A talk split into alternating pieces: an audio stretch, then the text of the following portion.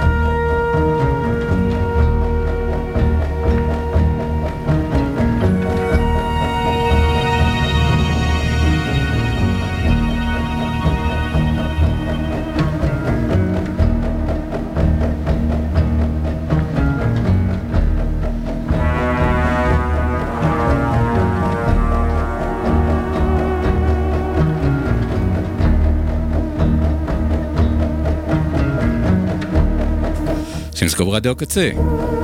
יום שלישי, שתיים ושתי דקות בשידור חי. אולפני רדיו הקצה ב-BPM. את אה, רדיו הקצה ואת סינמסקופ עושים עומר סנש, ספיר כהן, לאה שפיגל, בן אש, אורי קדישאי, ניר לימור, תודה למכללת BPM, תודה לצוות הקלט, הקמת האתר החדש. תודה לקוואמי, תודה לכם שאתם מאזינים בין בשידור חי בין בהקלטה, אני יאיר רווה. תוכנית מספר 212, חמישה בפברואר 2019, כ"ח אדר א', והיום תוכנית מיוחדת, אורח מיוחד. אה, איתנו באולפן נדב לפיד, אה, במאי הסרט מילים נרדפות, שעכשיו נציג בבתי הקולנוע, עלה בסוף השבוע האחרון בארץ, אחרי שהוא זכה בפרס דוב הזהב בפסטיבל ברלין. אהלן נדב, אהלן, אהלן, צהריים טובים. איזה כיף שבאת. בלי הדוב אמנם, אבל... אה, כן, זה רדיו, אפשר אפשר נכון, לדמיין. אפשר לדמיין, הדוב פה, אנחנו, אני מצחצח אותו בזמן שהוא מדבר. אה, אז קודם כל ברכות, נורא כיף שמישהו שאתה עוקב אחריו אה, מאז שהוא סטודנט, ואפילו לפני זה, פתאום ככה מגיע לזירה הבינלאומית הגדולה. אז ברכות באמת ממני, ואני... אה, אנחנו נדבר על, נדבר על הסרט, ועל- גם בסרטים הקודמים, ואולי גם על הסרטים הבאים אה, בתוכנית היום. אבל נתחיל ממשהו שממש קרה, לדעתי, אתמול, אה, קיידי סינמה. השער של קיידי סינמה מוקדש לסרט שלך. אה, וכתבת בפייסבוק שזה כמעט יותר טוב, כמעט בסוגריים, כמעט יותר טוב מדוב הזהב. למה? בהתחלה כתבתי יותר, ואז מישהו אמר לי שלגרמנים אין הומור, אז שיניתי לכמעט. אוקיי, מי זה הגרמנים? כלומר, הגרעם, אה, אלה? שנותנים את הדוב, כן, אה, כן, אה, כן. פחדו להעליב אותם, שהם לא ייקחו אותו חזרה או משהו. אוקיי. למה? כי... מכמה סיבות. א', אה, אה, תראה, אני, אני, אני, את הקולנוע אני גיליתי בצרפת. את החיים גיליתי בישראל, אבל את הקולנוע גיליתי בצרפת, בתקופה שהייתי בה, בתקופה שבה, שעליה נסוב אה, מילים נרדפות. אה, ומהרגע הראשון אני גיליתי את הקולנוע כ... כמשהו שדנים בו. אה, כמשהו שמשוחחים עליו, כמשהו שמתווכחים עליו, כמשהו שכותבים עליו. ומהרגע הראשון גם הרגשתי שהיופי של מילים שנכתבות על סרט הוא שקול היופי של הסרט, או שמילים יפות על סרט מייפות גם את הסרט. אני לא... אני לגמרי הפוך מהבמאים האלה שיש להם איזה סוג של אה, התנגדות, או איבה, או חשדנות, או טינה לביקורות, או שאומרים כאילו המבקרים זה אלה שלא יודעים לעשות סרטים. אגב, במאי הקולנוע הכי אהובים עליי וטובים בעולם התחילו כמבקרי קולנוע. לרוב בקיידי סינמה גם. אה, לרוב כן. כאלה סינמה, גם אני גם כתבתי קצת ביקורת קולנוע. ועבורי, אה, אה, עבורי זה יחסים מרתקים, עבורי סרט זה משהו שאתה שם במרכז החדר, ואומר, קדימה, תשוררו שירים, תכתבו מכתבים, מכתבי שטנה, מכתבי תשוקה, מכתבי אהבה, לא משנה. משנה, אבל, אה, אבל כולם אה, מרתקים. אה, ואני, אתה יודע, כשעוד לפני ש... אתה לא יודע, אבל לפני ש... כשממש עוד מלמלתי מילים בצרפתית, אז, אז זה היה מקביל לגילוי הקולנוע ולגילוי ביקורת הקולנוע, שעבורי כאמור זה בדיוק אותו הדבר. אז uh, התחלתי לקנות גיליונות של קיידי סינמה, ולא ידעתי בכלל מה כתוב שם, והתחלתי להמציא לעצמי. Uh, אז הייתי מדמיין ביקורות, ואין לי מושג אם פגעתי או שהייתי מאוד רחוק. אז במובן הזה, אתה יודע, סגירות מעגל, אצטרה, אצטרה. אחרי זה... במקום שאני חי בו, הקיידי סינמה זה הטקסט הכי חשוב שנכתב על קולנוע בעולם. אה, אני לא, אתה יודע, בשביל, אם אתה רוצה להוציא סרט בארצות הברית, אז נורא חשוב לך מה כתוב בוורייטי ובהוליווד ריפורטר וכאלה.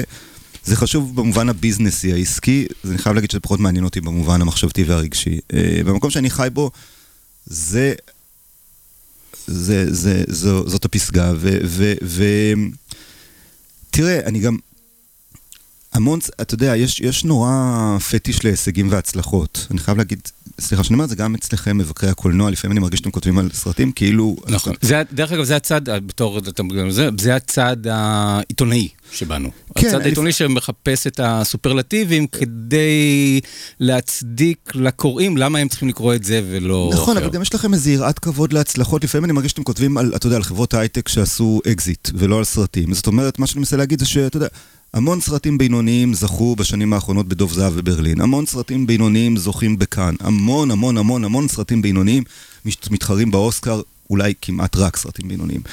אז, אה, אז, אז אתה יודע, אז דוב זהב, אני לא זה, זה נחמד, זה מרגש והכל, אבל באמת, הדבר שהכי הסעיר אותי ושימח אותי בדוב הזהב הזה, זה כשאנשים שאני מעריך את דעתם, אה, כתבו זה, זאת הזכייה הכי רדיקלית של סרט ב, בפסטיבל גדול מזה שנים.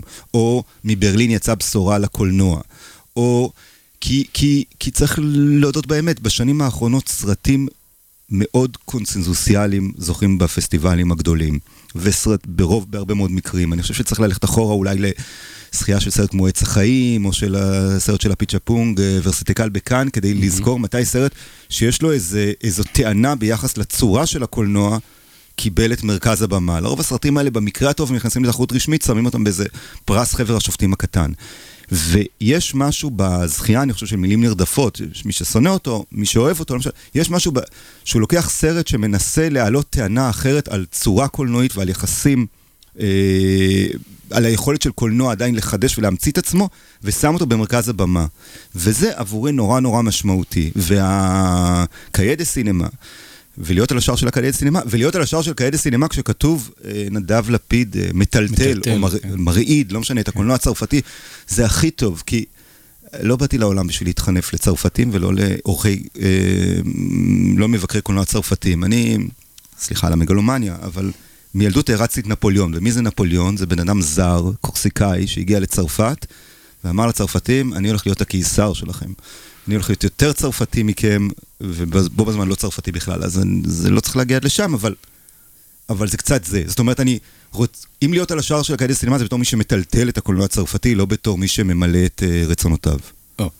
אז טוב, אה, הרבה דברים שיש פה, ואני, אז לכן אני רוצה שאנחנו נדבר פה על הצורה של, הקול, של הסרט ועל הסרט ועל, ונגיד מילים כמו מיזן סצנה וכן הלאה, ולא סתם נדבר אה, כזה כתבת אה, צבע, אלא משהו באמת שאני מקווה שחובבי אה, קולנוע, אנשים שראו את הסרט ורוצים מפתחות לי כדי להיכנס אליו, אה, תלמידי קולנוע, או אנשים שרוצים ללמוד קולנוע, אה, באמת אפשר לדבר פה אה, גבוה, ו...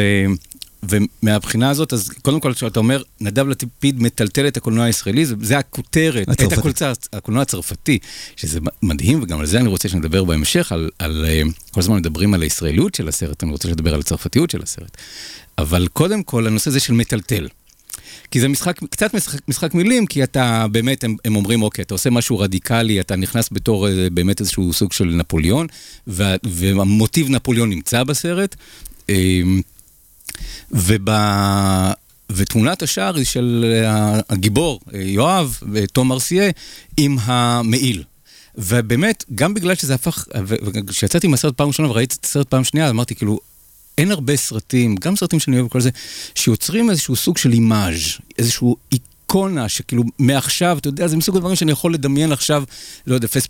פסטיבל כאן משתמש בדימוי הזה כפוסטר, כי הוא נחרט. גם מי שלא ראה את הסרט, אני מניח שבעוד כמה שנים יהיה לו את הדימוי הזה. אז קודם, בוא נדבר קודם כל על המעיל. מאיפה הגיע המעיל ה... ויש ויכוחים אם זה כתום או צהוב. המעיל הכתום, שהוא בעצם כוכב הסרט במידה רבה. כן, אני מסכים מאוד. אתה יודע שבברלין התחיל איזה קאלט של אנשים שמצלמים את עצמם עם מעילים כתומים, וזה, זה היה מאוד נחמד. אה, אני, אצלי זה בא מהמקום של גיבורי על. אה, אני כאילו, אצלי, אצלי זה בא מהמקום של סופרמן. אתה יודע, בתור בן אדם שכאילו, אני לא, אני לא, לא איזה, אה, אין לי איזה חיבה או איזה הבנה או איזה עניין נורא נורא גדול בסרטי גיבורי על באשר הם, אבל יש משהו בעניין הזה, אמרתי לעצמי, הוא צריך, האיש הזה יש לו את הגלימה שלו.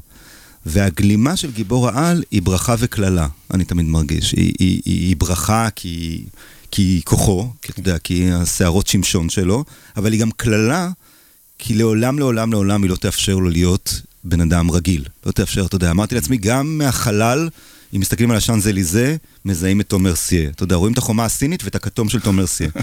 ו, ו, ובמובן הזה אני אמרתי לעצמי, האיש הזה הרי הוא הכי חזק והכי חלש. הוא, הוא, הוא, אין דבר שהוא לא מסוגל לעשות בעולם חוץ מלחיות נורמלי, רגיל, חוץ מלהירגע, חוץ מלנשום. אז כאילו, אתה יודע, הוא מסוגל ל- ל- ל- באותו הזמן שהוא, שהוא מספר סיפור ב-17 שפות לעשות uh, פליק פלאק על הגשר של הסן, אבל הוא לא מסוגל, באיזשהו מקום הוא לא מסוגל להתקיים. Uh, בתוך העולם, בתוך העולם שלנו. וגלימת גיבור העל הזאת שלו, הכתומה שלו, אה, נתנה לי, אני חושב, את הדבר הזה. אחרי זה גם, חשבתי על זה שזה מעניין שבעצם את הבגדים האלה מספק לו אה, אמיל, החבר הצרפתי.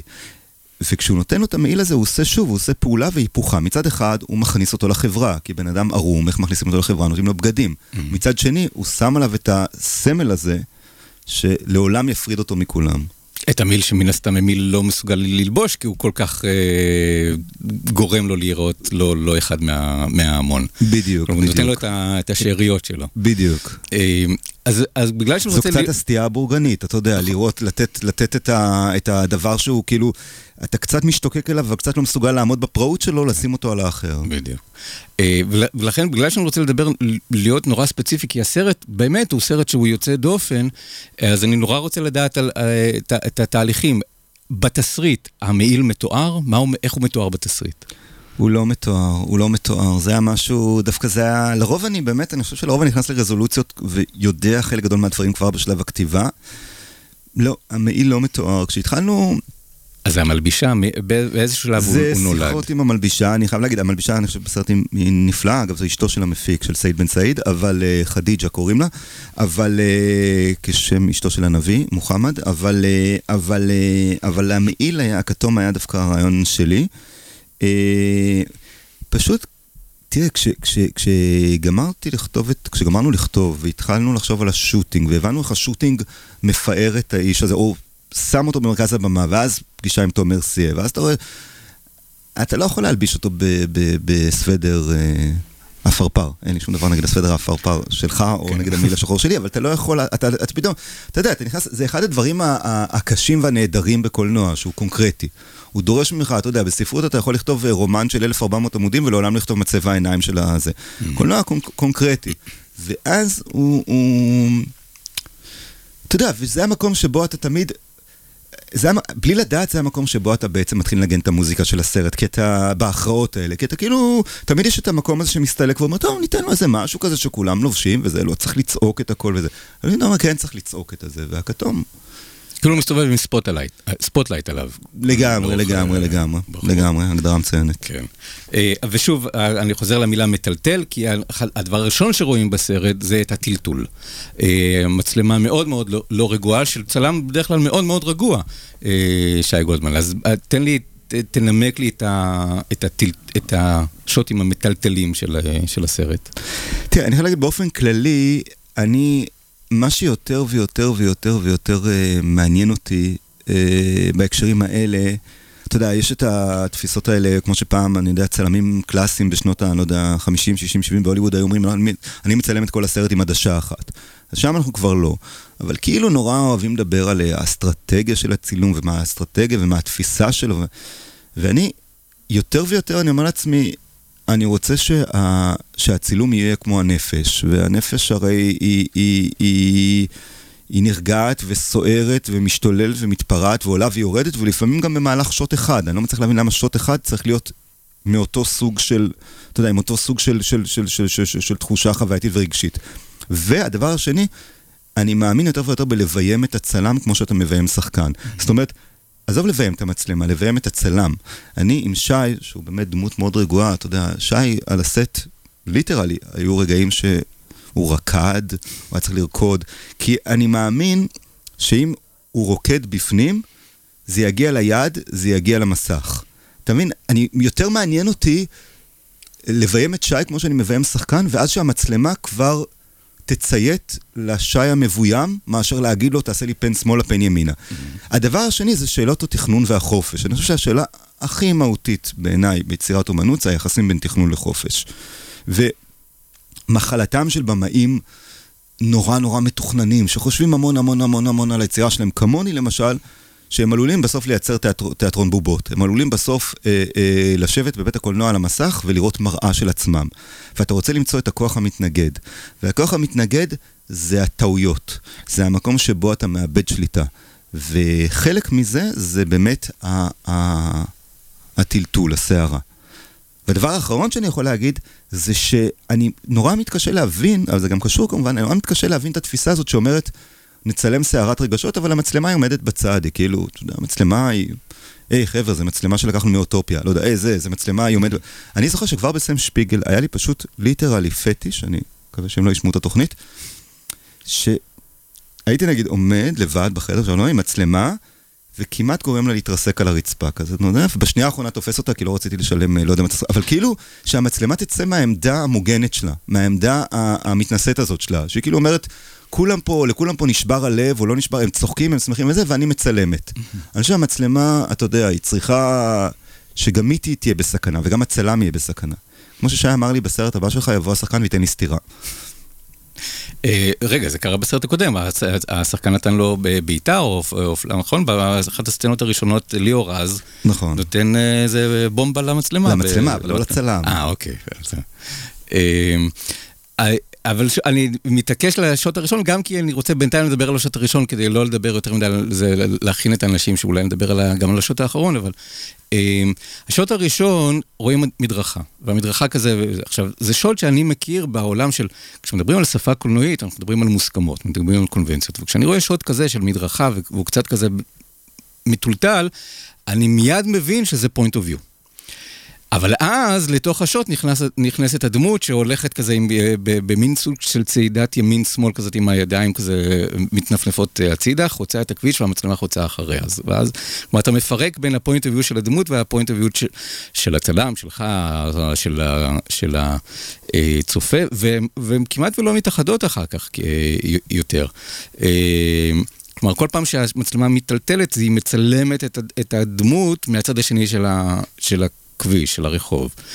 אה, וככה אנחנו בעצם נכנסים לפריז. אז אני שוב ככה מנסה להבין את ה... לא יודע, שוב, אתה, אתה מדבר על תכנון וזה ועל איזשהו סוג של משהו אימפולסיבי, אבל השאלה אם יש איזשהו אה, הסבר שאתה צריך, או לא יודע, יש, לשי, יש. למישהו, אתה צריך להגיד, אוקיי, ככה אני רוצה ש, ש, שזה ייפתח, ככה אנחנו נציג את, ה, את העיר עם, עם רעידות על, על המדרכה, ואז החצייה את הכביש, ואז המעבר לבית קפה, ואז נכנסים פנימה לחדר מדרגות. תראה, בוא נתחיל במדרכה. אני כאילו, רציתי שהסרט ידבר על כל מקום. הוא קורה בפריז עם ישראלי, אבל הוא מדבר על כל מקום. אני חושב שאחד הדברים שמאחדים, יש מדבר סהר, אז אולי לא שם, אחד הדברים שמאחדים את כל הערים בעולם שיש להם מדרכות. אמרתי לעצמי, כאילו הסרט יתחיל עם מדרכה, והמדרכה הזאת יכולה להיות, ב, אתה יודע, בניפאל, בתאילנד, בפריז. בסדר, אני מניח שיש הבדלים בסוגי המרצפות וזה, אבל בוא, ברמה העקרונית, זה לא פריז, זה כל מקום, זה כל מקום שבו יש אבן.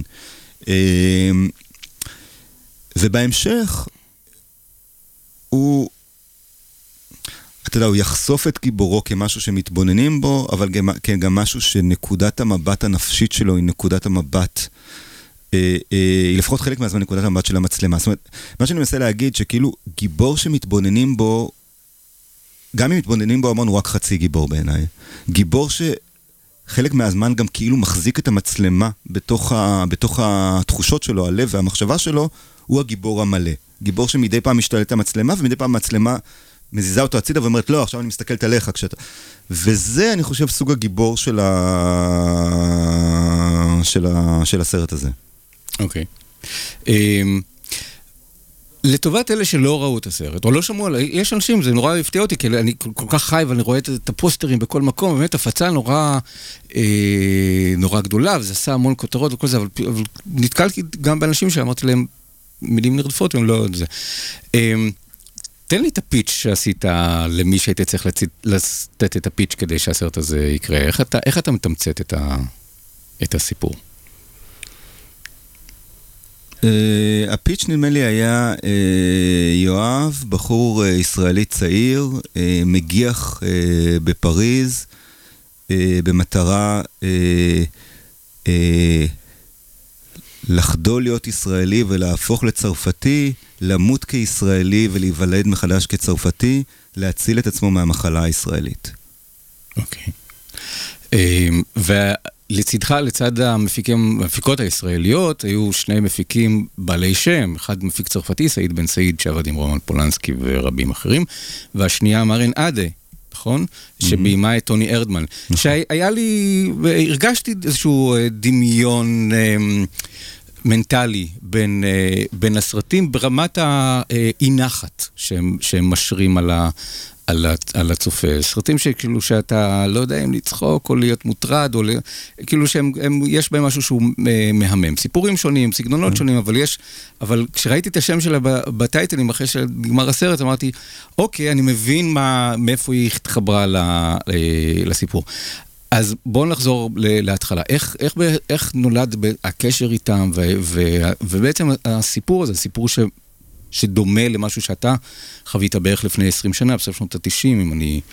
תראה, הסרט, כן, אתה זוכר ששלחת אותי לעשות נכון. כתבה על פטריס לקונט. נכון. ראיתי שאמרת שלא עשיתי אותה, וזה לא נכון, לא, לא, לא, לא, שכמעט הברזת לי בדדליין, אבל זה לא- סיפור שהוא ממש לא קשור פה, אבל אוקיי, עשית, אבל אני זוכר שהשערות האפורות שלי הם מהדדליין הזה. אוקיי, כן. אה, כן, אז אני, הסיפור הזה, האמת שמאחורי הסרט, אה, לפעמים מאוד מאוד דומה למה שרואים על המסך, לפעמים שונה. Uh, הסרט נולד בתקופה של התקופה הפריזאית הראשונה שלי, שזה היה כשטסתי לפריז בסוף 99. Uh, אה, פחות או יותר עם אותה מטרה של יואב, uh, בשביל לא לחזור לעולם לישראל, והפסקתי לדבר עברית. וחייתי בדירה עלובה, ואכלתי כל יום את, אותו, את אותה פסטה עם אותו, אותה כמות של רסק עגבניות, כי זה היה הדבר הכי זול שאפשר היה אה, לאכול ועדיין להמשיך אה, לחיות. והייתי הולך ברחובות, ו- ולא לא הכרתי אף אחד, נאלצתי לדבר עם עצמי ומנאץ בליבי את הישראלים שחיים בעיוורונם, בטיפשותם, וזה ככה כל בוקר, כל בוקר, כל בוקר, כל צהריים, כל ערב. אה, ובתקופה ההיא, שעוד לא ידעתי אז בכלל שאני רוצה לעשות בסרטים, ובכלל לא הבנתי הרבה בסרטים, ולא הייתי איזה סינפיל, למרות שגדלתי בבית uh, של עורכת סרטים, ולא הייתי סינפיל גדול בכלל. Uh, חשבתי שאני רוצה לכתוב ספרים, וגם כתבתי אחד, וקולנוע נראה בעיניי אומנות לאנשים בלי הרבה יכולת הפשטה, באופן כללי לא הייתי עסוק בלחשוב עליו. Uh, אבל כן, הרגשתי שקורים פה דברים משמעותיים, אז רשמתי לי קצת רשימות, לא מתוך ידיעה מה בכלל אני הולך לעשות איתם, אבל רשמתי לעצמי קצת רשימות, ו... אוקיי, וזנחתי אותן. שנים אחרי זה, אחרי היציאה של השוטר, צלצלה אליי מפיקת צרפתייה, אה, שהיא לא סעיד בן סעיד, אנטומיניק טוסן, ושלחה לי כרטיס טיסה, אמרה לי בוא לפגישה בפריז, אנחנו צריכים לדבר. באתי לפגישה, ובדרך לקפה אמרתי לעצמי, טוב, היא בטח תרצה שנדבר על משהו בצרפת, ואני לא יודע מה, אין לי שום, כאילו אני ישראלי, למה שאני אעשה סרטים בצרפת? ואז אמרתי לעצמי, אוקיי, מה קרה לך בצרפת? נזכרתי בדבר, סיפרתי לה בכמה מילים, היא התלהבה. כמו שקורה לפעמים בקולנוע, ההפקה באיזשהו שלב אה, אה, עלתה על סרטון. אה, אני חושב שהיא עלתה על סרטון בגלל שאנדומיניק טוסן הייתה מישהי שנורא נורא נורא נורא אהבה את הסרטים שלי, אבל לא מהסיבות הנכונות. אוקיי. זה גם מעניין. היא בעיניי לא הראשונה. בעיניי יש לא מעט אנשים כאלה גם בישראל. אה, ולכן, ברגע שהיא, אתה יודע, שהיא נעמדה מול הסרט ערום, זאת אומרת שעוד אין סרט, יש רק יסודות, היא לא... היא לא הבינה איך זה יהפוך בסוף להיות משהו דומה לדברים שהיא כל כך אה, אהבה. בקיצור, ההפקה עלתה קצת על סרטון. לא ידעתי מה לעשות, ואז עשיתי מה שאני תמיד עושה כשאני לא יודע מה לעשות בתחום הקולנוע, אז צלצלתי למי שהוא, אני חושב, קצת אה, פטרוני בעולם הקולנוע העולמי, אוליביה פר, המנהל של, אה, של ארטה. של מחלקת הקולנוע של ארטה, שהם... בלוקרנו לפני זה, נכון? נכון, שלקח את השוטר ללוקרנו, כן. בדיוק, לקח את השוטר ללוקרנו, ומאז, שוב, הוא לא, אנחנו לא, לא נגיד שאנחנו חברים, אבל אני חושב שהוא, שהקולנוע שלי מאוד מאוד מאוד מאוד קרוב לליבו. אה, ציצלתי לאוליביה והתייעצתי איתו, ואוליביה אמר, אה, ברגעים כאלה הולכים לטובים ביותר. והוא אמר, הטובים ביותר זה שניים, זה סילבי פיאלה, אלמנתו של מוריס פיאלה, במאי הקולנוע הצרפתי הגדול, שהיו לה המון סרטים באותה שנה, וסעיד בן סעיד. הוא אמר לי, תן לי, אני ארים טלפון לסעיד, אני אשאל אותו מה שלמה. מה הוא חושב. סעיד uh, ביקש לינק לסרטים שלי, שהוא ראה אותם, אבל רצה לראות אותם עוד פעם באופן מרוכז, וביקש את התסריט. זה היה בשמונה בערב, בתשע בבוקר uh, צלצל הטלפון, וקולו העמוק היה מהצד השני, הוא הספיק לראות שלושה או ארבעה סרטים, פלוס לקרוא תסריט של איזה 150 עמודים, ואמר לי, אה, מתי נוח לך לבוא לפריז, ברביעי או בחמישי, אני יודע, זה יום שלישי נגיד. אה, אמרתי זה, וככה התחיל המפגש איתו. המפגש uh, עם הגרמנים, מריה נאדה והשותפה שלה, ז'נין ג'קובסקי, הם כתבו לי כבר שנים לפני, נורא אהבו את הגננת ונורא אהבו את השוטר, והם כבר כבר שנים לפני זה הייתה לנו מין עוד הרבה לפני שמריאן עשתה את טוני ארדמן, אה, הכר, כאילו הכרנו דרך מיילים ואמרנו כאילו אולי יום אחד נעבוד יחד. ברגע שהיינו צריכים גם כסף גרמני, הפנייה אליהם הייתה טבעית. אני לא חושב אפילו שהם טרחו לקרוא את התסריט. אוקיי. Okay. ברשות אמון. כן, אני חושב ש... שככה דברים צריכים ללכת. Okay. אתה אוקיי. יודע, עניין התסריטים זה... כמו שפסבינדר אמר, הרעיון נולד חופשי והתסריט uh, מכניס אותו ל, ל, ל, לצינוק. אבל, uh, זה, אבל זה התכנון כדי שתוכל לקבל את החופש, לא? זאת אומרת, זה היה... ב, ב, ב, במקום שאתה מדבר על משא ומתן בין תכנון וחופש, אז התסריט הוא התכנון. נכון, אבל מייחסים לו... הוא, הוא, אני חושב שאחת הסיבות לזה שהקולנוע הוא כופה על שמריו זה בגלל ששיטת המימון שלו בנויה על תסריטים. לא שיש לי איזו הצעה כל כך יותר טובה כרגע, כן. אבל אנשים צריכים לחשוב למה מממנים עם תסריטים ולא עם שוטינג, למשל. Okay. אוקיי. ואני משוכנע שקולנוע שהיה מאומן על ידי שוטינג היה מניב סרטים טובים יותר. אוקיי. Okay. תסריטים עוד יש אנשים שיודעים לקרוא שוטינג, מי יודע. נכון, נכון. היה פעם גיליון, אפרופו זה של הקהידי סינמה מאוד מעניין על תסריט, והוא אמר, שמתם לב שיש עשרת אלפים מדריכי כתיבת תסריט ואף לא מדריך אחד לכתיבת שוטינג. נכון. אמ, אז, אז סעיד בן סעיד נכנס, מעורב אה, אה, בזה, עד כמה עכשיו זה מפיק שוב, עם כל הכבוד למפיקות המאוד מאוד נכבדות שלך ב- אה, בישראל, פאי סרטים, אה, מפיק שעבד עם גדולי הבמאים, עד כמה הוא נותן חופש, עד כמה הוא מתערב, עד כמה הוא אומר, אני לא אוהב את הסצנה הזאת, אני לא אוהב, עד כמה זה, אגב, יש פה איזשהו סוג של אה, מישהו שמתערב ורוצה להיות שותף ליצירה. אגב, גם עם סעיד הדרך הייתה קשה. מבחינת המימון, תמיד אגב הסרטים שלי קשה עם המימון, ויש איזה פער בין כאילו בין ה... כאילו איזה שם ש... ש... כמעט תמיד אני חווה את אותו החוויה עם תסריטים, והכי קיצוני זה היה עם התסריט הזה, שהמוסדות המממנים אומרים, וואו, איזה יופי, אנחנו כל כך מחכים לתסריט, וזה של נדב, כל כך רוצים להפיק את הסרט, הם מקבלים את התסריט, ואז מתחילה שתיקה, ואז אתה קולט את האכזבה, ואז האמיצים ביניהם אומרים, אה, אנחנו נורא רוצים לעשות את הסרט הבא שלך, אבל למה, למה הסרט הזה? זאת אומרת, אה, התסריטים לא אוהבים אותם, ואת התסריט של מילים נרדפות לא אהבו במיוחד. וזה היה מעניין, כי זה קצת חוויה שדומה לחוויה של גיבור הסרט, כי אני... אתה יודע, תמיד אמרתי לעצמי, בישראל מוסדות הקרנות הן שמרניות, ואנשים פה, החלטות שלהם כל כך משעממות, והם לא זה ופה לא שם. בצרפת יודעים לקרוא תסריט. ואז גילית שבצרפת בדיוק, בדיוק שולטת אותה שמרנות כמו בישראל, רק שיש להם מילים אחרות. מה שבישראל קוראים לו, נגיד, בישראל אתה יכול להגיד שאוהבים... אה, רגיל או מיינסטרים, בצרפת הם קוראים לזה קרטזיאני, על שם דקארט. הם אומרים לך, אוקיי. התסריט לא מספיק קרטזיאני. שזה מין דרך נורא נורא אינטלקטואלית להגיד, אה, תביא לנו אה, קונפליקט, זה פה, שם. בקיצור, הדרך למימון הייתה מאוד מאוד קשה, גם עם סעיד. ובקשר לסעיד, תראה, סעיד נתן לי חופש מוחלט בצילומים. זאת אומרת, הייתה לי את חוויית הצילומים הנפלאה ביותר שהייתה בחיי, ונראה לי אחת משלוש התקופות הכי יפות בחיים שלי, ואני לא יודע מה אחרות. היה מדהים. כלומר, הרגשתי שאני עושה את מה שנולדתי לעשות, בדרך שבה צריך לעשות את זה, ובעריכה היה... היה... היו גם אה, קונפליקטים, אוקיי. בהחלט. כלומר, שהוא קיבל אה, קאטים ו... ו- הוא היה מאוד מעורב, הוא קיבל המון המון קאטים, אה, אבל... אה, זה מתסכל או שזה דווקא מחדד את העיפרון? מה, איפה... זה היה מאוד קשה, טוב תראה, העריכה גם הייתה קשה מסיבות נכון. אחרות, אבל, אבל לצד זה זה היה מאוד מאוד קשה. אה, אה, הוא סחט, אתה יודע, הייתי כמו לימון שסחטו אותו 20 פעם, הוא, הוא דחף אותי לקצה של הקצה. אה, אבל זה כמובן זה גם היה לטובת הסרט, התובענות הזאת, הוא, הוא, הוא, הוא אתה יודע, סעיד הוא אף פעם לא מרוצה, ויש בזה גם אה, הרבה יתרונות. יש איזה שלב שבו, אתה יודע, זה גם, אתה צריך לדעת לשים את הגבולות. ותשמע, זה גם שיעור, כמו שאמרת, אני לא הכרתי אנשים כמו סעיד בן סעיד. אתה רואה את סעיד, אתה מבין פתאום את המנגנונים של המפיקים הכי גדולים בהוליווד. אתה מ... בלי, אין שום דמיון, אבל אתה מבין פתאום מה זה הארווי ויינסטיין, בלי שום דמיון. כן, אבל- ברור. אבל אתה מבין את המנגנונים של אנשים שכאילו אין מגבלות לכוחם, והם כן. לא מבינים מה זה לא. אה, זה, זה שיעור מרתק. אה, אתם תעשו סרט נוסף ביחד? אה, ייתכן. או, אוקיי, אז זה אומר שזה נגמר, אה, נגמר טוב. עוד שם שהופיע בקרדיטים ואמרתי, וואו, איך, אה, איך אה, הוא נכנס לפה זה פסקל בוניצר.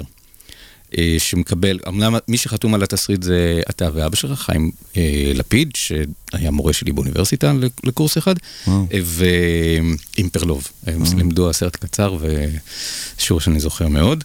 אה, אבל אה, בשותפות לתסריט מופיע גם פסקל בוניצר, שאני חושב שבארץ מכירים אותו בעיקר בזכות ז'אק ריבט ושיתופי הפעולה שלהם, אבל אנדרי טשינה ואן פונטיין וראול רויז.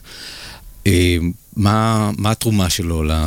פסקל, פסקל עובד עם סעיד כבר כמה שנים, סעיד מפיק את הסרטים שלו, ופסקל, שבאמת הוא קודם כל תסריטאי, הוא עשה איזה מין uh, שיוף אחרון של התסריט, גם אפילו במובן הלשוני, אבל זה כמובן הרבה יותר מזה, במובן הדיאלוגי, כל מיני דברים, כל מיני דקויות של צרפתית שאני לא מבין, אבל כמובן שזה גם הלך למקומות אחרים.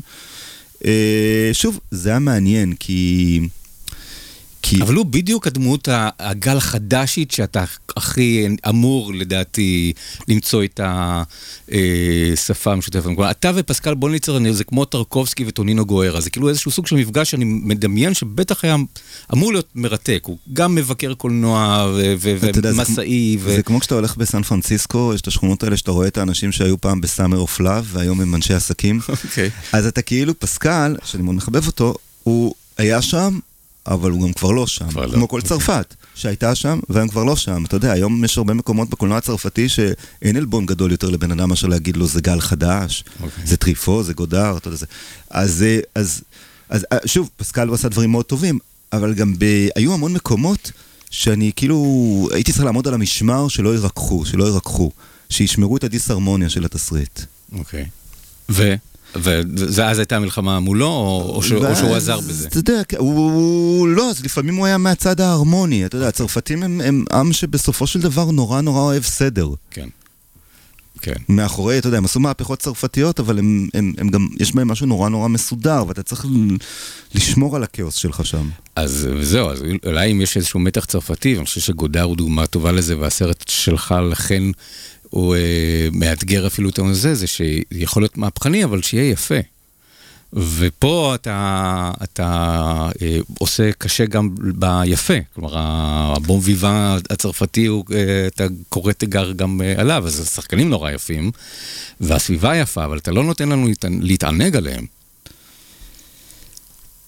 כן, כי, תראה, זה קצת כמו לצלם את פריז, אתה יודע, אתה בא לצלם עיר ש, ש, שאין כמעט במאי דגול של הקולנוע שלא העביר עליה את אה, עדשותיו. כן. אה, ואתה אומר, אה, אבל אני רוצה לקחת את פריז הזאת ו... ושהיא תהיה שלי, ושתהיה של הסרט שלי, ושתהיה חד פעמית, ושתהיה אחרת. אה, וגם את הצרפתים האלה, עם, ה, עם, ה, עם היותם בום ויוון וכולי, אתה רוצה, אתה רוצה לקרוא עליהם תיגר, כי שוב, כי, תראה, זה גם באיזה מקום, אתה יודע, אני אומר לך, לא באתי כדי ללטף את הצרפתים, כן. לקרוע ברך ולהגיד להם, אה, אדוננו מלכנו. אני גם לא חושב ככה. אה, ואתה יודע, זה גם... אה, אבל אני לא חושב ככה, אבל, זאת אומרת, זה לא הדרך שבה אני חושב, אבל גם הצרפתים אוהבים את יחסי הסאדו מאזו האלה. כן. אף אחד בצרפת לא, לא מחפש איזה במאי זר שיבוא ויעשה, אף אחד אינטליגנטי לפחות, שיעשה גלויות. גם הם קצת נהנים מהשוט. אוקיי. אז, אז זה מה שריתק אותי, כי בישראל, כמו בישראל, אני מבין את זה, אני מבין את, ה, את התגובות האלה, אבל ישר התגובה הראשונה היא מה הסרט אומר על ישראל. כי אוי ואבוי, הגיבור מקלל את, אה, את ישראל. אירוניה זה משהו שנזרק מהחלון, אנשים גם לא טורחים לראות את הסרט, רק על פי משהו שהם רואים באוטו קונטקסט. אה, אירוניה, סרקזם, איזשהו סוג של... אה, כל הדברים האלה נזרקים, מה הסרט אומר על ישראל, אוי ואבוי, הוא, ביקורתי. אבל אז כשראיתי את הסרט פעם שנייה, פתאום אמרתי, רגע, מה הצרפתים חושבים על הסרט הזה? כי הסרט גם מדבר על, על הצרפתיות, כלומר זה על, אה, זה על מישהו שהוא שונא... עוזב את ישראל בכעס, רוצה להשיל מעצמו את הישראליות, נול... מת באופן סימבולי, נולד מחדש, לומד ללכת, לומד לדבר, ועוטה על עצמו את, ה, את הבגדים, בגדי המלך החדשים, את, ה, את השריון הזה שלו, ו, ואז יוצא לכבוש את צרפת, ונורא מאוכזב כל הזמן מ, מ, מהצרפת שהוא מגלה מולו. תשמע, זה נורא מעניין, כי שוב, בינתיים הסרט היה, בינתיים הסרט יצא בצרפת בסוף החודש, אבל בינתיים הוא היה בהקרנות עיתונאים, ובצרפת יש... יותר עיתונאים מתושבים, יותר עיתונאי קולנוע מתושבים. היו, תשמע, זה, היו, אני חושב לסרט 14 הקרנות עיתונאים, בכל אחת היו כ-60 איש. עכשיו תנסה לה, להבין כמה מבקרי קולנוע יש בצרפת ועיתונאים ואנשים שכותבים על קולנוע. עכשיו זה די מעניין, כי תראה, סך הכל בינתיים התגובות הן די יוצאות דופן, אבל, אבל, יש שכבה מסוימת של uh, מבקרי קולנוע בצרפת ועיתונאים, שיש לה התנגדות וגם כעס על הסרט. לצד הערכה לקולנוע שלו, והיא לרוב, בוא נאמר, יש שם את אלה שאומרים, וואו, זה מדהים, זה פרופיל נורא מדויק של צרפת של היום, של צרפת של, ה, של איזה בורגנות חלולה ש, ש, שנטולת ליבידו, אה, אה, אה, נגיד בדמות הזוג הזה, של צרפת של עידן האפודים הצהובים, של הפגנות, של צרפת של עידן וולבק. וכולי וכולי וכולי. אה, אבל יש אה, אה, איזו שכבה מסוימת של עיתונאים צרפתים, אני חושב שזה בייחוד העיתונאים הצרפתים לטעמי, שהם די בורגנים בעצמם, אבל חס וחלילה אל תגיד להם את זה, כי לתפיסתם הם עדיין, אתה יודע, יושבים עם דה בובר וסארטרה בבית קפה בזה. בסן ג'רמן, אז שהם, הם אומרים, לא, הסרט נהדר וזה, אבל התיאור של צרפת הוא קצת בעייתי. אני זוכר שיצא לי להתראיין... כי אתה זר ואתה מן הסתם לא... כן, ומי לא... אתה בתור זר. אני חושב שיצא לי אפילו להתראיין באיזה תוכנית רדיו, אצל איזה מישהי כזאת, שדרנית רדיו מאוד ידועה בצרפת, שנורא נורא נורא אהבה את הגננת, והיא אמרה זה וזה, אבל... מירי רגב? משהו כזה. ואני אמרתי לה, תראי, אתם... אני חייב להגיד, אתם מאוד מאוד... אני, כאילו, צרפת היא מדינה מאוד נדיבה, היא מאוד חזקה בלטפח במאים שמעליבים את המדינות שלהם. ואני באמת חושב שהצרפתים, אתה יודע, יש את הצרפתים האלה שהם מאוד מאוד מאוד מאוד טולרנטים כל עוד אתה, אתה יודע, כל עוד אתה משקץ את ישראל. כן.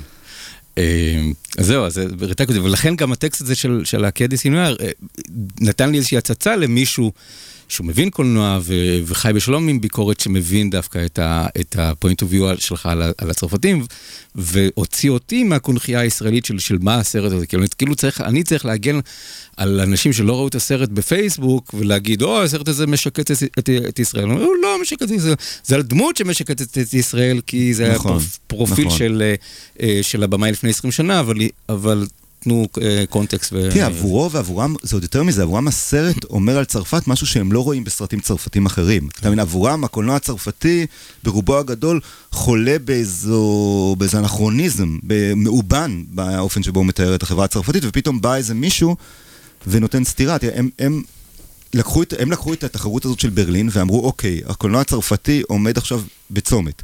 יש את הסרט של פרנסואה אזון, שזה עבורם מין כזה... גם קולנוע קצת, אתה יודע, קולנוע שראינו, ומין קולנוע קצת דידקטי, קצת, קצת פדגוגי, ושלא, שבמסווה של סרט ביקורתי לא פוגע בעצם במטרות האמיתיות. כאילו, אתה יודע, ללכת ולהתקיף כמרים בכנסייה זה כאילו קל בעולמם, בתוך המיליה הזה. ואמרו, מול זה עומד הצעה אחרת, והקולנוע הצרפתי צריך להחליט באיזה נתיב הוא הולך. אוקיי. Okay. אז, אז, אז בברלין, בפסטיבל ברלין הם החליטו, אבל עכשיו אתה מחכה לראות את, ה, את השיפוט ב, בצרפת עצמה. מה, מה יחליטו ההמונים, אזרחי הרפובליקה? אה, בואו נדבר רגע על, אה, נשים את זה בקונטקסט עם, עם הסרטים הקודמים שלך, ונהפוך את זה לאיזשהו סוג של יצירה אחת אה, שלמה, ואתה עושה את זה נורא קל, אה, ובצורה נורא מודעת. קודם כל, הסיפור שנרקם בין יואב ובין החברה של אמיל. אז, וזה מחבר אותנו לסרט הגמר שלך בסם שפיגל, כלומר, אה, מי זה אמיל. אה, והדמויות, ירון ויואב, הן דמויות שחוזרות אצלך אה, באופן חוזר, אם אני יכול להיות המנתח ולהגיד שיואב הוא ה... המשורר, וירון הוא הקלגס, כן? הוא במידה מסוימת. הוא הנשמה והגוף, המשורר והאגרופן, או איך שאתה רוצה. ירון זה הגיבור של, אחד הגיבורים של אה, השוטר, ויואב המשורר של... אה, אה, של הגננת. נכון, אבל ליואב יש פסינציה ביחס לירון. ברור. כי יש להם נקודות גם השקה. ברור. וירון הוא קלגס, אבל קלגס עם, קלגס עם רגישויות מפתיעות. אוקיי, נכון. ויש את הצלם שהוא יוד, שאנחנו לא יודעים אם הוא יואב או ירון, כי כנראה שיש איזשהו סוג של אה, יומנו של צלם חתונות, שאנחנו לא יודעים אם הוא יואב או ירון, כי יכול להיות שהוא... גם הסרט הבא זה יוד. יוד? כן. יוד זה מי שמתעסק בקולנוע. אוקיי, אותי זה משמח, כי אני יוד. אה, אבל... אה, נכון. אז אתה... אז אתה מן הסתם במודע מנסה ליצור איזשהו סוג של גם אוטוביוגרפיה קולנועית שלך, אבל גם איזשהו סוג של משא ומתן ש, ש, של בין, אה, בין הסרטים, כדי שאני נשב וננתח איך יואב המשורר בן חמש גדל להיות יואב הדיסידנט בן 25. אה, קראתי לא מזמן, זה קשור ולא קשור, אבל קראתי לא מזמן אה, ספר שכתב עוזר הבמאי של אולי גדול הבמאים של אוסטאש. והוא סיפר שאוסטאש... אה, כן, זה אוסטאש הוא גדול הבמאים? אולי. אוקיי. אתה יודע, אולי גדול הבמאים יש, יש איזה אוקיי. 50 במאים שמתאימים, אוקיי, אז אוסטאש בעיניי אוקיי. הוא אחד מהם. אה, תשמע, האם והזונה זה... אוקיי. וואו. אה, והוא סיפר שהוא סטאש, כשהוא צילם את האם והזונה, כאילו אמר, זה הכל דברים שקרו, אז הוא התעקש באופן אה, אובססיבי, בהיותו בן אדם אובססיבי, שכל אה, סצנה תצולם בדיוק בלוקיישן שהיא קרתה. עכשיו, היו לפעמים, אתה יודע, הוא סיפר, היינו אומרים לו, אבל ז'אן, זה, זה על רקע קיר. מה זה משנה אם הקיר הזה נמצא פה או פה, וזה מסבך לנו את ההפקה, וגם ככה אין כסף. הוא אמר, לא, הדברים צריכים לקרות ב... ב, ב, ב להיות הכי קרובים לאמת שלהם. עכשיו, אני, ירון ויואב זה זה אנשים אמיתיים בשבילי, וגם יהוד. זה אנשים, זאת אומרת, הם אמיתיים, כי אני מניח שהם נוטלים חלק בי, או... אבל הם אמיתיים, ואני לא מוצא סיבה להתחיל לקרוא להם, לקרוא להם בשמות מלאכותיים של דמויות קולנועיות. עד שהצלחתי, לפחות לתחושתי, לבסס אותם כבני אדם, אז עכשיו אני אקרא להם, אה, אתה יודע, אה, לא יודע מה... אה, איזה שמות יש? ז'אן, ואם אתה בצרפת, אז לא יודע, יותר אם אתה זה. כן, או לא יודע מה, או כן, בשמות ישראלים, ואני אחזיר אותם חזרה. לא, יואב ירון זה שמות נורא ישראלים, זה חלק מהעניין. לא, זה שמות נורא ישראלים, אבל אני אומר, אני לא מוצא טעם להתחיל לשנות להם עכשיו את אוקיי. השמות, כי אז אני מתייחס אליהם כאל דמות. וכשאני קורא להם באותם שמות, ברור שאני מדבר על איזה בן אדם אמיתי, לתחושתי. וזה כאילו זה מייצר את הקשרים האלה, אבל הקשרים האלה זה לא משחק, הקשרים האלה קיימים באמת. אני, כן, אתה יודע, אז אני לא זה, אבל כן, אפשר לומר שהילד המשורר של הגננת גדל להיות ילד שיורה על מטרות לפי קצב של שירים, ו... ונס על נשמתו. אה, נס על נפשו לצרפת רק כדי לגלות שהנפש היא אותה הנפש. כן. לא, מבחינתי זה הסיפור, הסיפור שסיפרתי לעצמי, שהוא אחרי הקטע עם השוטרת, הוא הפסיק להיות שוטר, אבא ניצח, הוא הפסיק להיות שוטר, נהיה כמו שאבא רוצה, איש חזק, אה, פייטר, גיבור, ובפריז, בתוך העננה הפוסט-טראומטית, פתאום, הרגע שהוא בא ומבקש את הסיפורים בחזרה מאמיל, פתאום הוא נזכר במי שהוא היה בסרט הקודם. מבחינתי, אני, אה, אתה אמרת גיבור ריאל, אתה, אתה בראת את היקום המרווילי של, אה, של לגמרי, לפיד, לגמרי. ואני אג... הולך בתוך הסרטים לג... שלך. לגמרי, וירון, אתה יודע... תראה, במובן הזה זה א-היסטורי, כי זה זז, אבל ירון, אתה יודע, עוד כמה שנים יחזור לישראל, אה, אשתו אה, תקרא ללדת. נכון, בדיוק, נכון. אתה יודע, ובאותו הערב הוא יהרוג כל מיני נכון. מהפכנים אי שם. אז, אז, אז הכל מתחבר, ואז שוב, החבר, גם החברה של אמיל, אני צריך לעשות, זה גם קורה אחרי, נכון? זה קורה אחרי. במובן הזה, אתה יודע, אנשים שאלו אותי, למה לא צילמתי את זה בתור סרט ראשון? ואמרתי להם שכן צילמתי את זה בתור סרט ראשון, רק זה היה שנתיים אחרי. החברה של אמיל מתחיל, שנתיים אחרי שיואב חוזר לישראל, אחרי שקשריו עם אמיל נותקו. אוקיי. אמ, אני חוזר אבל ל... אבל זה לא משחק, זה אמיתי. כאילו, מה שחשוב לי להגיד, אתה יודע, זה, כן, זה קצת משחק כי, כי, כי, כי, כי, כי נחמד להשתעשע, אבל אני מרגיש, אני מקווה שזה משחק שפוגש איזה, איזו אמת. כאילו, אתה יודע, יש בקולנוע איזה, איזה... אני, אני קשה לי עם ה... עם הסטריליות הזאת שכופים על סרטים, בכל המובנים, שאומרים שכאילו, אתה לפעמים, בעיניי הרגע הכי מייצג של קולנוע זה הקטע שבו עוזר הבמאי שני מגרש את האנשים שעוברים במקרה, במקרה, אתה יודע, במקרה, וזה אומר, היי, לא לעבור, לא לעבור, מצלמים. אתה יודע, זה, הרי זה כמו להגיד לחיים, אל תיכנסו, אל תיכנסו, מצלמים. בעיניי זה מכניס חיים. אוקיי. Okay. אה, לא, החשש שלי אחרת, שברגע שעלינו על המפתח לקידוד של הדברים שלך, ואנחנו באמת יוצרים איזשהו סוג של אה, אה, יצירת על, מגה, מגה יצירה, אתה תגיד, אוקיי, עכשיו צריך להתחיל משהו חדש, ותיצור איזשהו סוג של... זה יקרה מן הסתם, אני מניח, כל זה. ירון ויואב יחזרו עוד סרט אחד או שניים, אחרי זה אתה תברא עולם חדש, כדרכם של... של אנשים שממציאים את עצמם. אמרתי באיזשהו מקום שבמידה מסוימת, ראיתי את זה בשוטר ובהגננת, ופה בגלל שבאמת זה כבר הפלטפורמה הבינלאומית, שזה נורא מזכיר את המקומות שבהם יוצרים כמו מיכאל אנקה ויורגוס לנטימוס ונוריק בילגל ג'יילן היו. לפני שהם זכו בדקל הזהב, כשהם היו באמת במאים אה, מטרידים, לפני שהם נהיו במאים שה, אה, שגם הבורגנים אוהבים. אה, כלומר, ויש סיכוי ש... יש, באופן תיאורטי אתה יכול להיות יורגוס לנטימוס אה, הבא. אתה, מבחינתך, כשאתה מסתכל קדימה, או ששואלים אותך, או שמפיקים מרימים טלפון ושואלים מה אתה רוצה לעשות, אתה מדמיין מצב שבו, אוקיי, אתה גמרתי לספר את, הס, את הביוגרפיה שלי, את הסיפור שלי, את המקום שלי פה, ועכשיו אני, אני זמין ופנוי לקבל תסריטים של אחרים, לעבד ספרים או משהו כזה, אבל לעשות את זה מתוך העדשה הייחודית אה, שלי. תראה, אין דבר שאני יותר חושש ממנו מאשר ה... אני לא אגיד חיבוק הדוב, כי זה יהיה טוב. כן, זה נכון. באמת משחק מילים, אבל אפשר אולי להגיד חיבוק הדוב, מאשר מה שנקרא לגדול. אתה יודע, לגדול זה נראה, אתה יודע, זה כמו שנגיד להתבגר, זה, אתה יודע, זה הרבה, הרבה פעמים הדרך שבה המבוגרים מסבירים את ה... את ה את עיבוד הרגישות שלהם וההיטמטמות שלהם, והם קוראים לזה, אתה יודע, את החוסר היכולת שלהם להביט יותר ב, ב, בקיום באמת ולדמיין שהכל אפשרי, אז הם קוראים לזה להתבגר. אני, אין לי, אתה יודע, כל, כל, כל אחד רוצה לעשות סרטים בתאים יותר נוחים, אבל uh, אין לי שום עניין לעשות... אתה יודע, להגיד, אוקיי, בעטנו, אה, התפרענו, שרטנו, צעקנו, לא, לבעוט, אבל, בוא, אבל, בוא, אבל בוא, הפעם בוא, כאילו בוא, בוא בתוך המשחק. בוא נהיה רציניים בתוך המשחק. Okay. כן. אני, אני רוצה להמציא את המשחק שלי. Okay. אוקיי.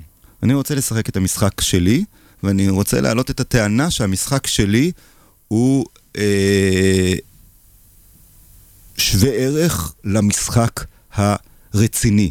הממוסד הזה. אני חושב שבהקשר הזה, וזה גם מה שניסיתי להגיד, כשסרט כמו מילים נרדפות מקבל דוב זהב, יש פה אמירה, וזה זה, זה, מה שגם כתבו כל מיני אנשים, זה אומר, גם אני זה הקולנוע. אני זה הקולנוע לא פחות מהספר הירוק, ואני זה הקולנוע לא פחות מ... אתה יודע, וה, והקולנוע הזה יכול לשמש גם כמשהו ש... אני חייב להגיד שזה משהו שקורה, אני מרגיש אותו מאוד, נגיד באירופה, שבעמים יותר צעירים מסתכלים עליו ואומרים, אה, גם זה סרט, ולא סרט שמוקרן באולם 45 לעיני 12 סינפילים ובנות הדודות המנומנמות שלהם. זה סרט, זה אמצע הדרך. למה שהקולנוע לא יהיה מהיום ככה? למה שזה לא יהיה הסרטים הגדולים? אני אומר, אין לי, אין לי עניין לשחק משחק של אחרים. אני באמת, באופן אישי, הרבה יותר מעניין אותי הניקה של הסרטים הראשונים מהניקה של כן. הסרטים הנוכחיים. לכן אני שואל, האם... כן. האם אה, אה, לאן, לאן, לאן, אה, אה, תלך. כן, אולי יום אחד זה ישתנה, אתה יודע, החיים, החיים אה, עוברים לכולנו על הראש. אבל, אה, אבל אה, כל עוד אני יכול, אז אני... לא, אבל אז אומרים, מתבגר, הזדקן, אה, איבד את ה- בסדר, זה לא, זה לאו. דווקא בא ממצוקה כלכלית ואני חייב ל... נכון. אז לפעמים זה באמת אה, אדם מתקרר, אני יודע, או משהו כזה. אתה עדיין עכשיו בוער. בואו נדבר רגע על, אה, מתקרבים ממש לסיום, על אה, הקטור ואכילס, שזה באמת, המוט... אני חושב אולי המוטיב המרכזי, הנרטיבי המרכזי של, אה, של הסרט, ואולי המקום שבו אולי גם ה...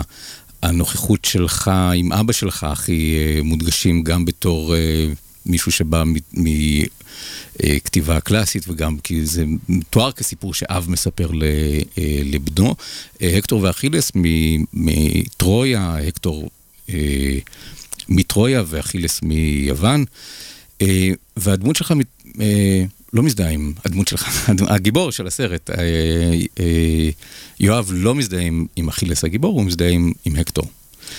כן, אז אתה יודע... הנרדף. הנרדף, המפסיד, הבורח. הבורח. אה, תראה, אז א', אתה יודע, עובדות, זאת אומרת, אני באמת בגיל ארבע, אבא שלי היה קורא לי את המיתולוגיה היוונית, ואני, טוב, זה מתואר בסרט, אני פיתחתי פסינציה, התפעלות, אהבה, פשוט אהבה, האמת היא, להקטור, אהבה אדירה, ונורא דאגתי לו. וכנראה דאגתי לו גם כי הרגשתי בתוך תוכי שימיו אה, ספורים על האדמה הזו או ההיא. ו... וככל שגדלה האהבה שלי להקטור, ההורים שלי הפכו להיות יותר מודאגים, כי הם לא ידעו איך לבשר לי את הבשורה שהקטור מת. ואז הם פשוט יום אחד באמת החביאו את הספר והפסיקו לדבר על הקטור, ומה קורה אחרי זה זה מתואר ב... בסרט, אבל זה באמת קרה, את הדברים כאלה מאוד קשה להמציא. אה, אני חושב שבהתפעמות של, אה, תראה, אנחנו חיים במדינת, במדינה שהמוטו שלה, או התחושה שבה, היא שאסור להפסיד. הרי תמיד לימדו אותנו, אתה יודע, שכמה מלחמות, כשאנחנו מנצחים מלחמות זה מובן מאליו, אבל ביום שבו נפסיד, כולנו יודעים את, אה, אתה יודע, כן. חזיונות האימה של אה, הערבים, אה, אתה יודע, הערבים שולטים בדיזינגוף סנטר. ואנחנו חיים במדינה באמת שה- שה- שאסור, כן, אסור להפסיד, חובה לנצח. במובן הזה ההזדהות עם המפסיד, אה, האהבה למפסיד, האהבה לבורח, היא כמובן איזה, איזה מרד נגד, ה, נגד, ה, נגד המוטו הזה. אבל אני חושב שבאופן גם יותר עמוק, תראה, אקטור לא באמת מפסיד לאכילס, הוא מפסיד למוות. הוא פוגש את, ה, את הגיבור האחד, את הדמות, ה- את הכוח האחד, שגיבור יותר מכל גיבור, שחזק יותר מכל, אה, מכל איש אמיץ, המוות. ואני חושב שיש שם איזה סוג של הבנה, שכן, שאין גבורה שמתחרה במוות. טוב, אני עובר מהר, כי אני הולך לקראת אה, סיום. רציתי מאוד לדבר עוד על שפה, אנחנו יכולים עוד כמה דקות לדבר על שפה וזהות, ש- שפה וחיים, כי אתה מדבר על הנושא של המוות, ובסרט אה, אה, יואב מדבר על זה שלוותר על השפה שלך זה קצת לוותר על החיים. כלומר, יש פה איזשהו סוג של קצת מהלך התאבדות. של הגיבור. כלומר, יש פה איזשהו, כאילו שמבחינה הזאת זה באמת רומנטיקה צרפתית אה, ב- ב- בבסיסה, של בן אדם שמגיע ל- לפריז כדי למות, או כדי לעבור איזשהו סוג של תהליך דמוי מוות, בין אם המוות הסמלי ממש בסצנה הראשונה של הסרט, או מוות כזה נפשי שהוא מוותר על, ה- על השפה, וגם נותן את הסיפור המאוד יפה, שמאוד מעורר הזדהות על זה שאבא, הוא עושה בעצם מה שאבא שלו עשה, אבא שלו ויתר על היידיש כשהוא, סבא שלו. סבא שלו, כשהוא עלה אה, לישראל, ו, והוא מוותר על, ה, על העברית כשהוא אה, עולה ל, לצרפת. אז, אה, אז, אז החיבור בין שפה ומוות, דווקא לא בין שפה וזהות, אלא שפה ומ- ומוות, או שפה וחיים. תראה, אני חושב ש... ש... אתה צריך להקריב את היקר לך מכל. אוקיי. אה, בסיטואציה הזאת, ו- והיקר מכל זה, לפחות למישהו כמוני, זה המילים. גם המילים זה כאילו הדבר, אולי הדבר היחידי שבחרת לעצמך. לא בחרת לעצמך פנים, אתה יודע, נולדת איתם, לא, בחר, לא בחרנו לעצמנו גוף באיזשהו מקום. מילים זה, זה, זה, זה אישי כל כך, זה שלך כל כך. לכן כשאתה, כשאתה מוותר עליהן, אתה מוותר על ה... זה יותר מלוותר על יד. יד זה אותה יד לכולם, המילים הן שלך. ו... ולכן אני חושב שהוויתור הוא כל כך, אה, הוא כל כך משמעותי. אגב, אפרופו מה שאתה אומר על הקשר לעניין היהודי, באמת, אני זוכר שקראתי קראתי תיאורים שהדהימו אותי, ונתנו לי המון השראה לסרט הזה, על אותם יהודים שעלו לארץ, וזה ציונים אמיתיים, משפחות נגיד, ואז הגיע צו השעה, אליעזר בן יהודה, דברו עברית, תפסיקו לדבר את השפות הקודמות שלכם. ואני זוכר שקראתי תיאורים אתה יודע, על זוגות או משפחות שיושבים לארוחת ערב, ונגיד הם רוסים, והם יודעים לדבר רוסית, עברית יש להם... אבל, אבל רוסית מתה, אין יותר רוסית. ופתאום כל עולמם מצטמצם ל... תביא את המלח, תסגור את החלון, הם יותר לא יכולים לדבר על, על רגשות עמוקים. ואמרתי לעצמי, אלוהים אדירים, כמה, באיזה, אתה יודע, כמה הנפש צריכה למתוח את עצמה בשביל ללכת נגד האינסטינקט של לבטא את מה שאתה מרגיש, לוותר על סקאלה שלמה של תחושות ורגשות, כי אתה פשוט לא יודע להגיד אותם. אה, וואו, זה כאילו, זה... זה נורא נוגע ללב. נכון, ממש. נורא. זה יופי. אה, אתה יודע מה יהיה הסרט הבא שלך? הוא כבר בעבודה, הוא כבר ב... אני, הוא אני כתוב? יודע, אני יודע, אני יודע, הוא כבר די כתוב, משהו שכתבתי במשיכת מכחול, שזה אף פעם לא קורה לי.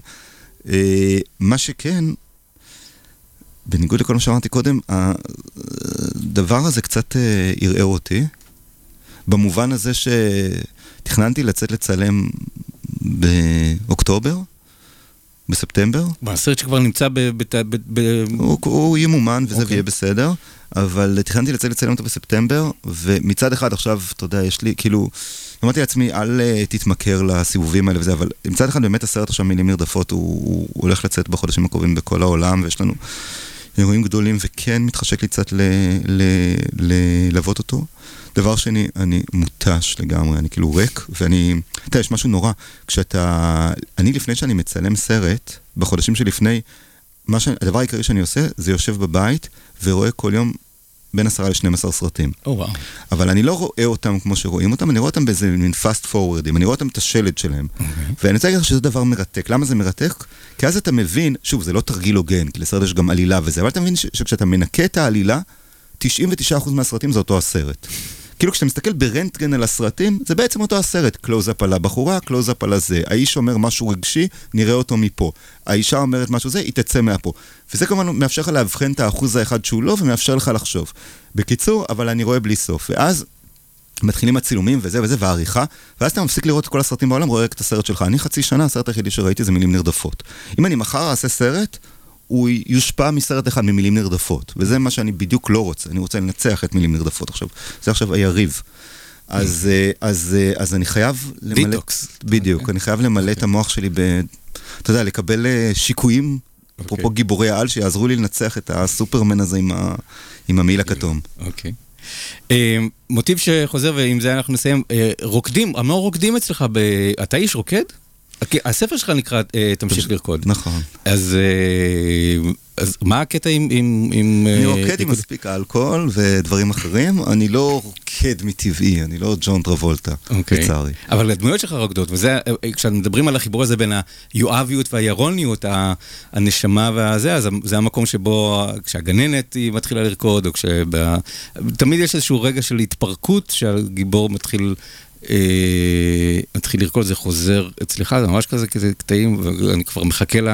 לסצנת הריקוד הבאה. לסצנת הריקוד, כן. ול, ולאיזה שיר תבחר וכל זה. כן. אה, אז, אז אני כן, ריקודים. שמה שמעניין זה, תראה, א', אני מת על סצנות ריקודים, אני אפילו כבר קשה להסביר למה אני מת עליהם, אבל אני, אני נורא אוהב אותם, אני חושב שזה...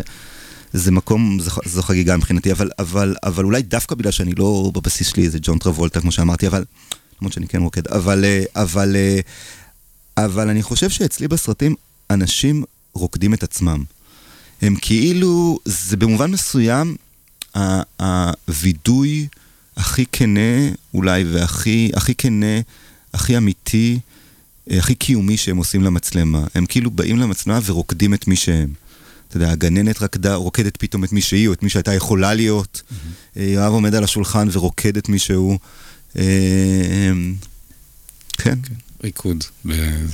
אז אה, עם זה אנחנו מסיימים. בחרת שיר מהמם אה, של אה, ארני קיידו מ-1970, Here Come the Girls. אני מכיר אותו מהרימייק, מהקאבר של Sugababes בשנות האלפיים. לא, לא הכרתי את הגרסה המקורית, בזכותך אני מכיר אותו. שוב בחירה שלך או הציעו לך? התייעצתי, אבל היו לי הרבה אופציות, וזה, תשמע, כי כי סרט כל כך מלא גברים, הגיע הזמן שיבואו הבחורות. כן, אז אה, ועם זה אנחנו מסיימים. תודה, נדב, שבאת ל... אה, תודה, תודה. רדיו הקצה, שמעתם ברדיו הקצה, תוכנית 212, מסיימים אה, מתוך מילים נרדפות עכשיו בבתי הקולנוע.